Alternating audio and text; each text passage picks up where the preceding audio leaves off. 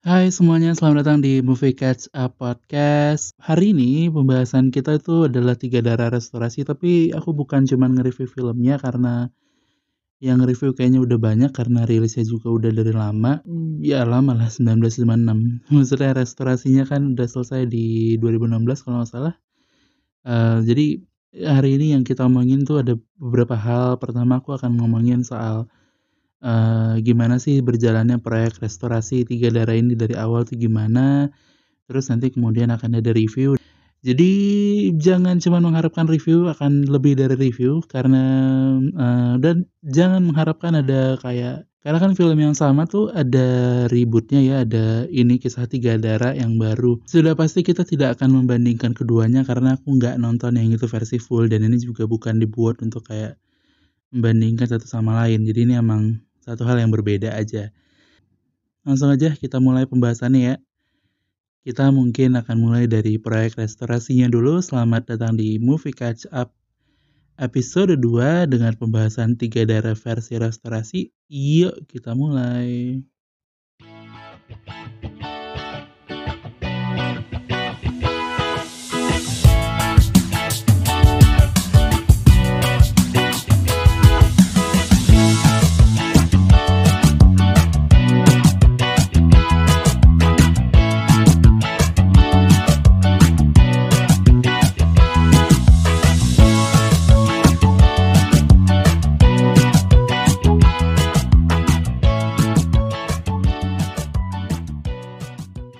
film ini kan sebenarnya diproduksi diproduksi oleh PT Perfini Films ya Perfini Films. Terus kemudian eh, ketika direstorasi ini dipegang hak restorasinya oleh SA Film. Jadi ini ceritanya sebenarnya perjalanan panjang. Kenapa kemudian aku memutuskan untuk ini jadi pembahasan karena emang perlu gitu. Ini tuh perlu kita apresiasi dan kita hargai dengan amat sangat gitu. Ini usaha yang gila banget gitu dari si SA Films ini. By the way, uh, eh, SA Films ini adalah uh, mungkin PH ya, PH dari uh, Indonesia. Ada Yoki Pesovian, ada Alexi Har, Taufik Marhaban, dan Gary Simbolon. Um, cerita singkatnya adalah pada tahun 2011 uh, pemerintah Belanda lewat uh, Museum di Amsterdam itu bilang bahwa mereka pengen uh, merestorasi uh, film Tiga Darah. Terus ya lambat laun karena ternyata waktu itu Eropa ada uh, krisis ekonomi, proses restorasinya pun tertunda dan pihak museumnya bilang bahwa ya kami nggak bisa lah, nggak bisa nih kami kami belum tahu bakal mulai di tahun berapa dan segala macam. Um, aku juga nggak tahu kenapa materi aslinya dari Belanda, aku juga nggak tahu ya pastinya kenapa, tapi intinya mereka lah yang, hmm, kayaknya merasa punya hak untuk restorasi itu. Uh, karena ketidakpastian waktu tersebut, mereka bingung kan dengan segala macam masalah ekonomi, akhirnya, um, dan dan dan kekhawatiran bahwa kondisi fisik filmnya ini makan bakal semakin kacau ya, makan bakal semakin buruk gitu um, akhirnya SA Films pun um, inisiasi dan bilang bahwa ya udah gimana kalau uh, aku izin kita diskusi dan segala macam untuk kami yang mengambil alih proses restorasi film Tiga Darah ini gitu. Terus terus ya udah akhirnya uh, diskusi panjang antara SA Films dan AI Museum terjadi uh, dan juga ada pihak keluarga Usmar Ismail juga yang dilibatkan dan segala macam akhirnya ya udah disepakati lah bahwa SA Film ini yang akan mengambil alih proses restorasi. Dari sini uh, akhirnya filmnya pun dikirim materi asli seluloid film tiga darah yang di di Amsterdam itu akhirnya dikirim ke Indonesia. Ya kemudian prosesnya panjang banget sampai akhirnya filmnya bisa disaksikan di bioskop mulai dari mereka akhirnya ngirim lagi um, film itu di laboratorium Imaginary Trovata di Bologna, Italia. Ada anak-anak Indonesia juga yang bantuin di sana untuk restorasi. Lalu kemudian um, mereka mesti ngerjain bener-bener kayak ngerjain ulang film aja gitu. Terus kemudian uh, file fisik itu tadi sudah direstorasi secara fisik di sana, kemudian dibawa ke Indonesia dan dirender sama uh, digital di restorasi secara digital sama PT Render Digital Indonesia. Bahkan uh, restorasi digitalnya aja memakan waktu 6 bulan. Total frame dalam film ini itu 150 ribu dan ya, bayangin kerjaannya dalam memperbaiki tiap frame dalam film ini. Aduh pusing pusing. Bikin cover art aja satu pusing. Ini benerin file yang kayak mesti dapat uh, warna suasana dan segala macamnya. Walaupun ini film hitam putih tentu saja um, dari situ kemudian secara keseluruhan film ini dari awal proses restorasi sampai penyesalan akhir, penyelesaian akhir secara keseluruhan memakan waktu kurang lebih 17 bulan satu setengah tahun untuk kemudian bisa benar-benar menghasilkan hasil terbaik dan diputuskan bahwa film Tiga Darah ini akan direstorasi dalam format 4K. Uh, ya kemudian perjalanannya panjang sampai akhirnya film ini mulai tayang di beberapa kali kesempatan gitu sampai akhirnya singkat cerita filmnya berhasil uh, dibawa ke bioskop online. Bayangkan perjalanan panjang untuk mengambil ini gitu ya mengambil mengambil um, tiga darah ini ke Belanda dan segala macam negosiasi berbincang dan segala macam sampai akhirnya beneran bisa tayang ke layar itu bayangin seberapa keras usaha yang diberikan gitu. Makanya sudah sepatutnya sih kita mengapresiasi dan memberikan penghargaan tertinggi untuk orang-orang di balik ini semua gitu ya. Dan harapannya tentu saja semoga lebih banyak lagi ke depannya maksudnya semoga lebih banyak film-film yang dibawa lagi dari masa lalu gitu. Semoga maksudnya ya nggak cuman mikirin gimana cara ngeributnya tapi gimana caranya supaya bisa dinikmati ulang kan itu masalah utama film masalah utama bangsa Indonesia kayaknya uh, arsip filing dan segala macam. Ya mau nggak mau restorasi dan ini butuh usaha dan tenaga yang besar gitu. Jadi ya kita lihat saja ke depannya akan seperti apa. Ya jadi itu tadi cerita tentang restorasinya dan sekarang kita akan mulai ngomongin soal tiga darahnya. Tapi sebelum itu kita akan putarkan dulu dengarkan bareng-bareng trailer tiga darah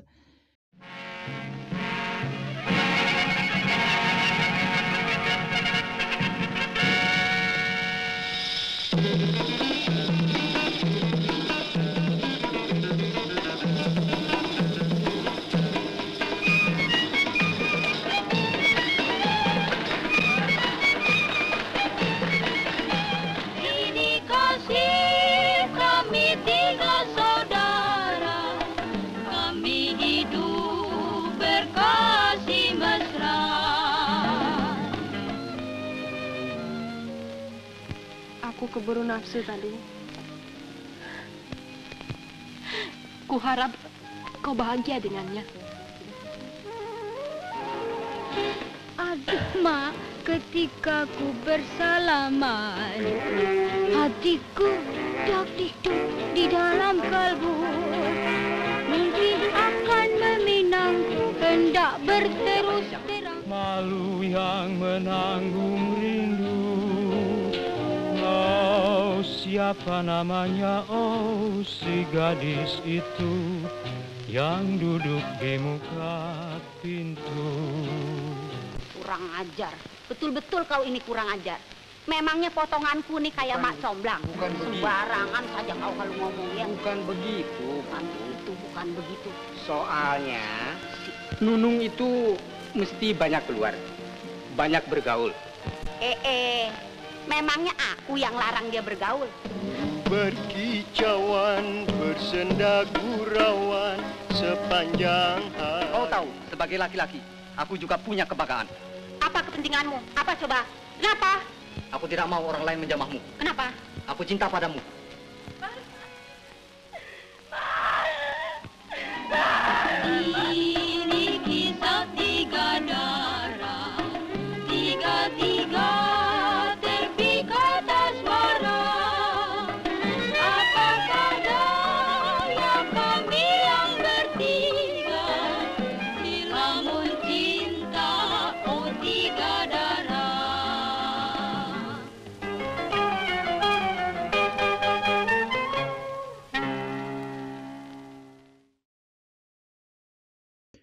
Oke, balik lagi di sini ya. Kita akan mulai bahas filmnya.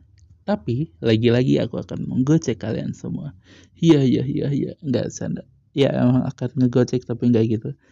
Uh, ini penting tadinya tuh aku cuman pengen nge-review filmnya aja langsung masuk ke bagiannya tapi kemudian karena aku anaknya letterbox parah by the way yang kata letter, letterbox letterbox ini adalah aplikasi dan website uh, bisa dibilang kayak sosial media para pecinta film mungkin. Jadi di sini kita nge-review ngasih rating uh, terus kemudian bisa saling baca review masing-masing.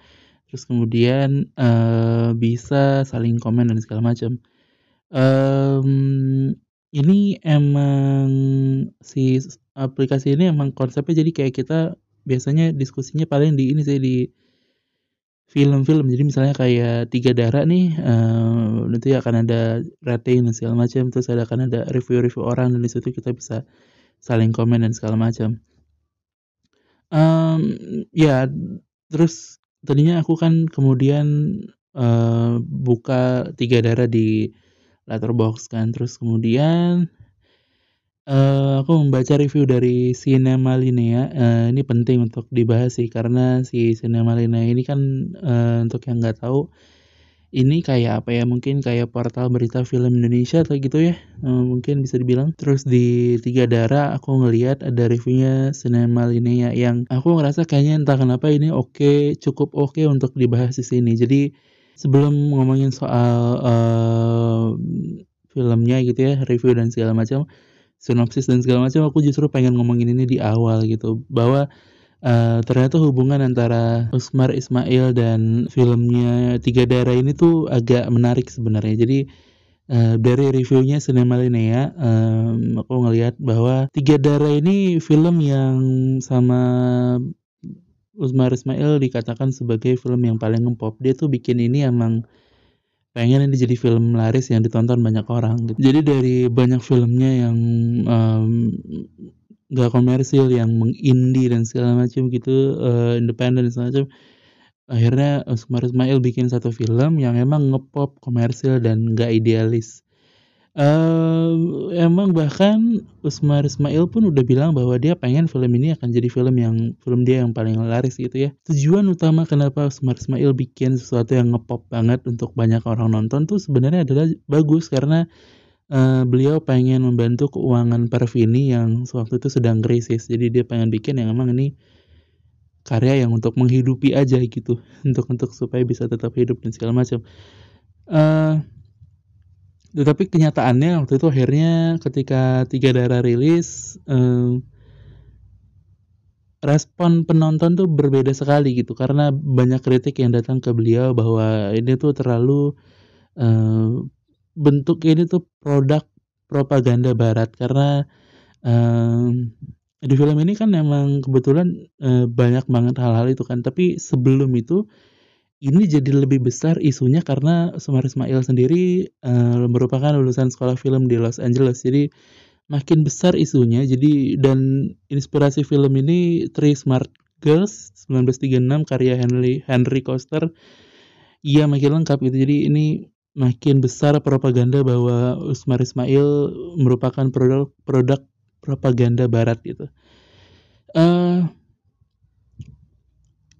padahal sebenarnya emang kan kita bisa lihat sendiri kalau pada nonton filmnya emang kenyataannya seperti itu. Emang banyak sekali perpaduan akulturasi dan segala macam. Banyak banyak uh, memasukkan kayak Vespa banyak masukin kayak uh, uh, sepatu roda dan segala macam uh, pesta dan lain-lain itu itu kemudian jadi jadi elemen-elemen dalam film ini gitu.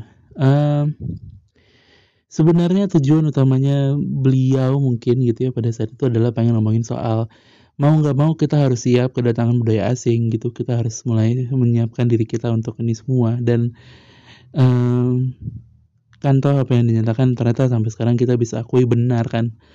Uh, dan dia uh, film ini akhirnya di kecam dan diboykot sama beberapa bioskop terus kemudian sayangnya film ini jauh dari kata box office yang diharapkan sama beliau gitu ya. Um, tetapi begitu pun filmnya nggak laris apa segala macam dari semua film beliau ini film yang paling laris katanya.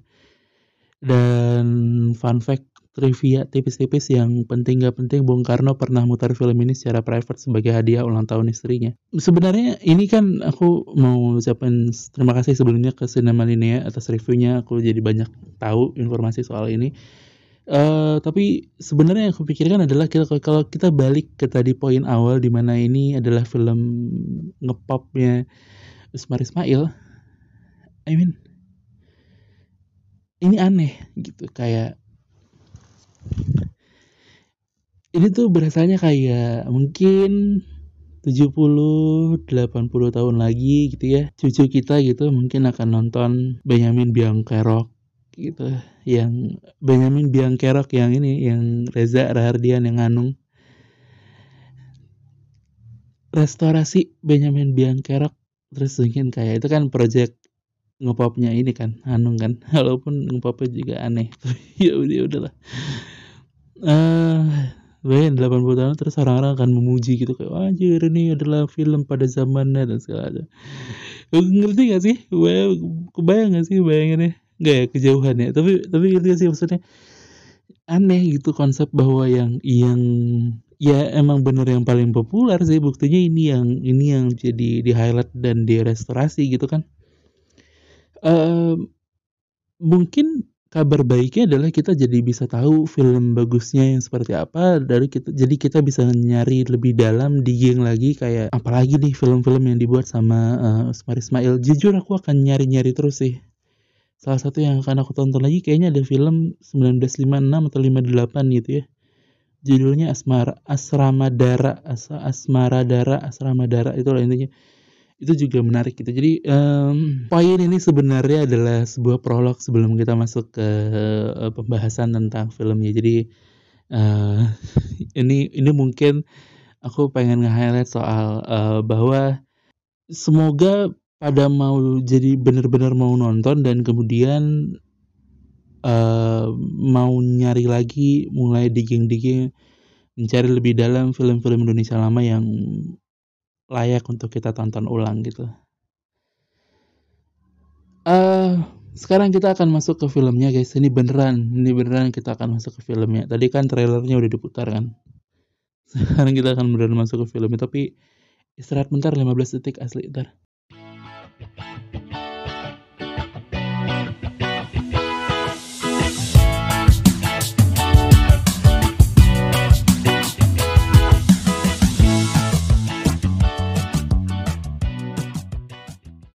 Oke, akhirnya akhirnya akhirnya setelah 20 menit terbuang nggak nggak tahu sih berapa menit nantilah sesudah diedit baru kita tahu berapa menit tadi kita menggocek penonton pendengar maksudnya. Uh, setelah semua hal tadi akhirnya kita masuk ke bagian utama. Ini yang ingin aku dengar dari movie catch up mana reviewnya? Apakah Tiga Darah adalah film yang bagus atau tidak? Mana Audi? Mana ini dia kita mulai dari judul singkatnya dulu. Eh enggak enggak maksudnya datanya dulu ya. Aku selalu senang ngomongin soal ini karena diapresiasi kepada orang-orang yang dalam ada dalam filmnya. Ini film tahun 1956, uh, eh, durasinya 100 menit. Eh, wait. Kayaknya lebih deh. 154 sih. Ya, kalau di bioskop online tuh yang versi restorasi bla bla bla restorasinya tuh 154 154 tuh berarti berapa? 60 60 tambah 50 110 114 Iya, pokoknya sekitaran segitulah, hampir dua jam. Um, si tiga darah ini. Terus kemudian um, sutradaranya Usmar Ismail, Bapak Usmar Ismail, penulisnya Bapak Usmar Ismail, ada dan dibantu oleh M. Alwi Dahlan, Sinematografinya dipegang oleh Max Tera, editornya ada Sumarjono, dan kemudian castnya ada Citra Dewi, Indriati Iskak, Miki Wijaya, Hasan Sanusi, Vivi Yang, Rendra Karno, Usmar Ismail, Bambang Irawan, dan lain-lain. Ini orang-orang yang ada dalam film ini. Um, respect sekali untuk orang-orang yang ada dalam film ini. Respect sekali respect respect respect sebesar besarnya dari movie up terus kalau kemudian kita ngomongin soal sinopsis singkat aku selalu nggak bisa untuk ngebacain sinopsis fullnya karena aneh. Jadi aku pengen mengadopsi sinopsis fullnya. Setelah menonton terus aku jadikan sinopsis singkat yang mungkin bisa jadi gambaran film ini sebenarnya ngomongin tentang apa. Uh, film ini tentang tiga darah, tiga darah yang bersaudara, yaitu dia kira-kira. um, ketiga orang ini, uh, Nunung, Nana, dan Neni, itu dibesarkan oleh nenek dan ayah mereka sesudah ibunya meninggal dunia. Mereka dibesarkan di Jakarta dengan semua budaya dan segala macam. Uh, dan ya ini kisah tiga darah muda jatuh cinta, kira-kira seperti itulah. Um, ya itu sinopsis singkat untuk yang belum nonton supaya bisa tergerak hatinya untuk mulai nonton. Ini full spoiler teman-teman. Aku mungkin akan kelepasan jadi silahkan pamit dulu kalau mau nonton. Silahkan silahkan asli nggak apa-apa beneran deh. Setelah itu semua sebenarnya yang pengen aku bahas tuh eh, ini uh, kita kita mulai masuk ke review filmnya ya. Secara keseluruhan ini jujur beneran ya. Aku aku menaruh review yang jujur aja gitu pertama filmnya tuh menyenangkan maksudnya menonton film ini tuh nggak kayak seakan-akan beneran kembali ke zaman dulu, sesuatu yang berat, sesuatu yang unrelatable dan segala macam. Enggak ini dekat ke kita terus kemudian berasa filmnya menyenangkan, um, kalem dan segala macam gitu. Filmnya filmnya menyenangkan, menontonnya juga menyenangkan gitu. Um, terus kalau kita ngomongin soal 1956 dibawa ke 2021 dengan atau tanpa kacamata 1956 emang pada kenyataannya film ini bagus aja gitu. Pada saat menonton film ini aku tuh beneran gak pakai romantisasi ini film lama yang baru aku baru bisa nonton wah ini filmnya. Enggak gitu. Maksudnya aku beneran pengen ngeliat filmnya secara utuh. Dan yang aku temukan emang filmnya bagus dan dan tepat ada di tahun itu. Sampai ke sekarang juga masih bisa berasa relate itu kita bukan cuma sekedar napak tilas tapi beneran bisa menikmati konflik dan ceritanya gitu ya. Dan emang bagus banget. Um, kan genrenya drama musikal ya bisa dibilang drama komedi musikal Lalalen sih lewat seru banget Lalalen kenapa dibandingin sama Lalalen lagu-lagunya tuh berasa spesial bahkan aku sampai nyari uh, ini fun fact dikit. Ada beberapa musisi Indonesia yang uh, bergabung untuk membuat versi barunya dari Tiga Darah ini. Lagu-lagu yang di dalam film Tiga Darah ini ada versi barunya um, itu pengisinya kalau nggak salah ada Mas Indra Aziz ada uh, Anda uh, ada Bonita ada dan lain-lain ada banyak. Kayaknya ada Danila juga deh. Aku kurang tahu tapi penyanyi-penyanyi kekinian kekinian tuh ada di situ. Itu bisa didengarkan di Spotify dan di YouTube musik kalau nggak salah dan di platform lainnya gitu. Um, lagu-lagunya menyenangkan bagus dan dan berasa spesial aja gitu. Terus um, ya impresinya udah pasti aku penasaran warna bajunya ya kayak. Aduh aku bayangin kalau ini full color ini film pasti cantik banget ya asli asli aduh bagus banget itu film um, Citra Dewi, uh, Ibu Citra Dewi eh, sebagai Nunung, aduh cantik banget, cakep banget. Indonesia sekali wajahnya tentram dan manis, ayu, walaupun dengan gaya-gaya kayak ketus-ketus gimana gitu, tapi aduh bagus, bagus, bagus. Um, Indriati Iskak ini yang jadi uh, Neni. Ini juga imut gitu ya maksudnya kayak kayak karena beliau paling kecil dalam film ini gitu ya maksudnya paling uh, anak-anak paling kecil gitu. Um, ini juga aktingnya bagus menggemaskan jadi kunci dalam film ini jadi jadi pemegang kuncian dalam film ini uh, bagus banget flawless anjir flawless Uh, terus ada Mika Wijaya sebagai Nana ini juga bagus kayak ketusnya, konfliknya dan segala macam. Emosinya juga berasa dan lain-lain bagus, bagus, bagus, bagus. Sungguh tiada bandingannya asli. Uh, walaupun sebenarnya yang yang paling besar tuh yang pengen aku highlight adalah komposisinya tepat tepat dan mengalir antara komedi dan drama dan musikalnya itu mengalir dengan baik gitu. Um, karena aku baru nonton Tersanjung. Mungkin kalau pada sadar di Tersanjung kan yang aku bahas itu adalah Tersanjung ini berasa Tersanjung the movie ya. Tersanjung the movie ini berasa belang banget antara um, indie dan artsy dan popnya gitu. Sementara di sini komposisinya tepat dan mengalir. Kadang-kadang komedinya komedinya tepat guna, dramanya masuk banget, sedih-sedihan. Lagunya juga pas jadi pengisi dan segala macam gitu. Um, nggak ada yang dipaksakan banget banget juga dalam film ini. Ya uh, dengan kompo komposisi yang tepat dan mengalir tadi komedi dan dramanya jadi lebih oke okay aja gitu lebih lebih masuk dengan segala macam kon konfliknya gitu. Um, kalau kita mau meng-highlight secara teknis gitu ya kayak acting dan segala macam harus diakui emang banyak scene-scene kaku uh, mungkin gak kaku ya scene-scene awkward mungkin kayak um, kayak bingung aja. Atau mungkin sebenarnya awkward itu datang dari kita sebagai penonton kayak nggak siap untuk nonton film yang tayang berapa 75 tahun yang lalu? Ya ya sih. 1956 uh, itu. Jadi ada tapi maksudnya scene-scene kakunya ini lucu akhirnya karena bikin senyum-senyum sendiri kayak eh, lucu banget dan segala macam gitu.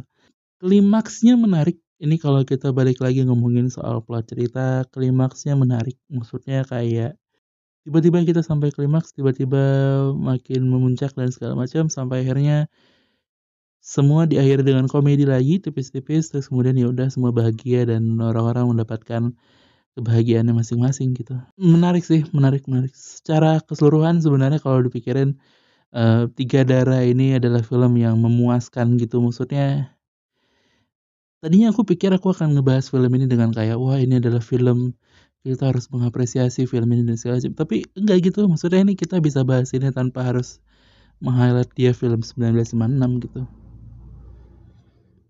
Film ini masih tetap oke okay untuk ditonton di zaman 2021 ini gitu. Jadi ya apa pun yang terjadi kalau kalau belum pada nonton silahkan nonton. Atau kalau mau nonton lagi silahkan nonton lagi. Karena siapa tahu udah nonton di 2016 kan uh, di bioskop kan pernah tayang lagi. Jadi pengen nonton lagi bisa ditonton di bioskop online. Um, udah ada aplikasinya bahkan bioskop online bisa di download bisa ditonton di sana.